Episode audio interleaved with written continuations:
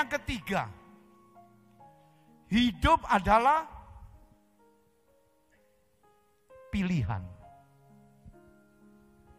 Gampang sekali hidup negatif positif, baik buruk, males rajin, negatif positif, pesimis optimis, tinggal milih. Tinggal saya pilih yang positif, yang baik, yang optimis, rajin, disiplin, tanggung jawab, punya kemauan. Negatif ke sini, positif kemari, tinggal dipilih.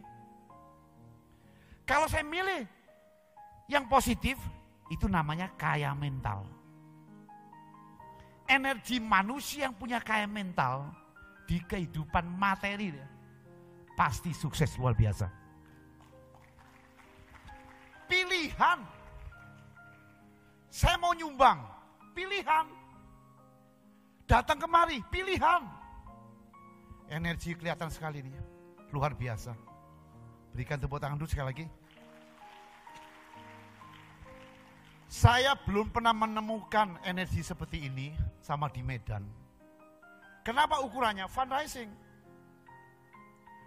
Jarang sekali orang terima undangan tertulis dibumbui macam-macam baru orang mau datang. Ini enggak, enggak, enggak pakai bumbu.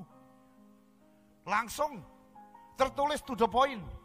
Sampai kawan saya yang paling baik, Pak Piandi jauh-jauh dari sana loh. Membawa partner yang paling baik. Spesial datang kemari. Luar biasa didukung. Pilihan mau pilih. Happy. Makin happy berdana makin senang berdana, makin gede berdana, seribu persen karma baik akan datang berlimpah secepatnya. Masa? Pasti. Pasti. Saya ini harusnya ada acara penting loh, tanggal 15. Kawan saya mantu di Jakarta. Terpaksa kita tinggal, I'm sorry. Saya mau berdana motivasi di Pekanbaru. Poin keempat.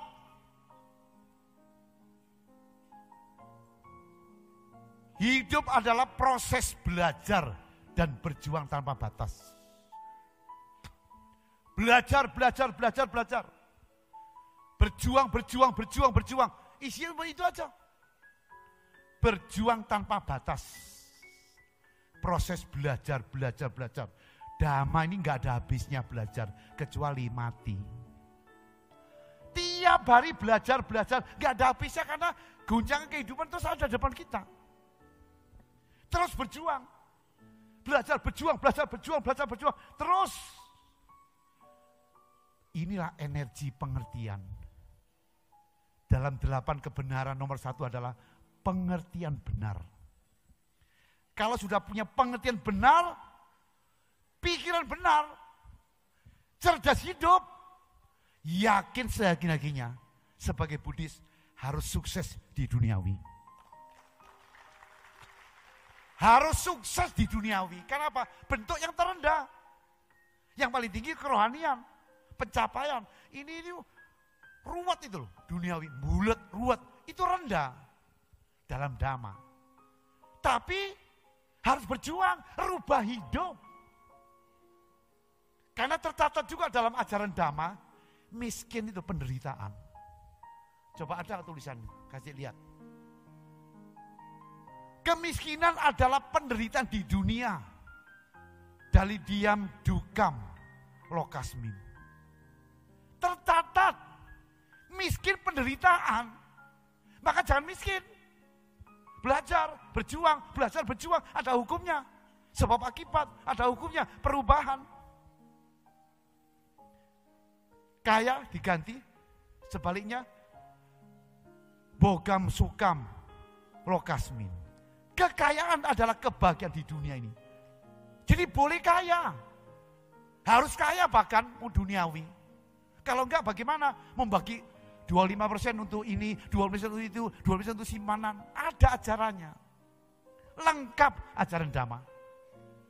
Berarti enggak apa-apa. Makin kaya, makin bagus. Punya kesempatan seperti hari ini, sama.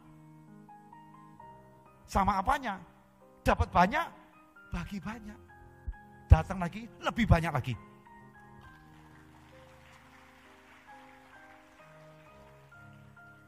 Maka berjuang, belajar berjuang, belajar berjuang. Nggak apa-apa.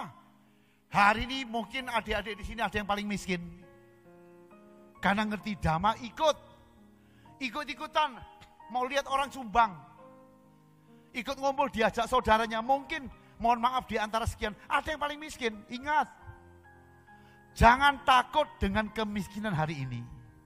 Esok hari kekayaan menjanjikan untuk kita ambil.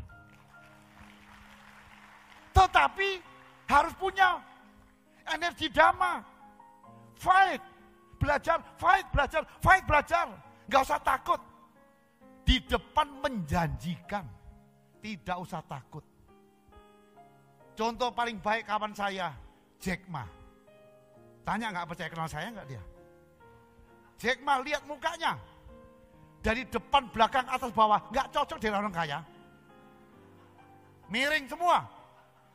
Tapi dia Alibaba number one di China. Bahkan di dunia punya nomor. Kok bisa? Berjuang, belajar, dan hukum perubahan terjadi. Mentalnya luar biasa. Itulah energi. Maka sekali lagi hari ini ada yang turun, miskin, melarat, mundur, stagnan, tenang. Jangan percaya hari ini miskin, besok miskin.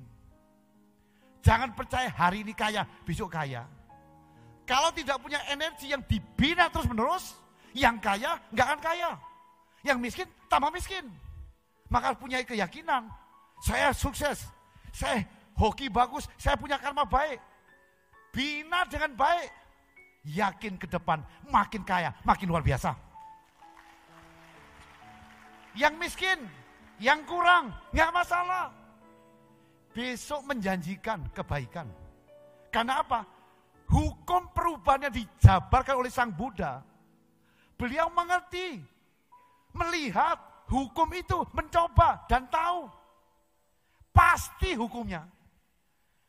Perubahan itu pasti hukum. Dan saya sudah mencoba sendiri dan sudah praktek. Ternyata nasib jelek, nggak apa-apa. Dampak kemarin muncul hari ini. Miskin hari ini, dampak kemarin. Muncul hari ini. Miskin, dampak kemarin. Enggak apa-apa. Energi Dhamma mengatakan, selama kita masih punya panya, selama kita masih punya wirya, nasib baik adalah milik kita bersama.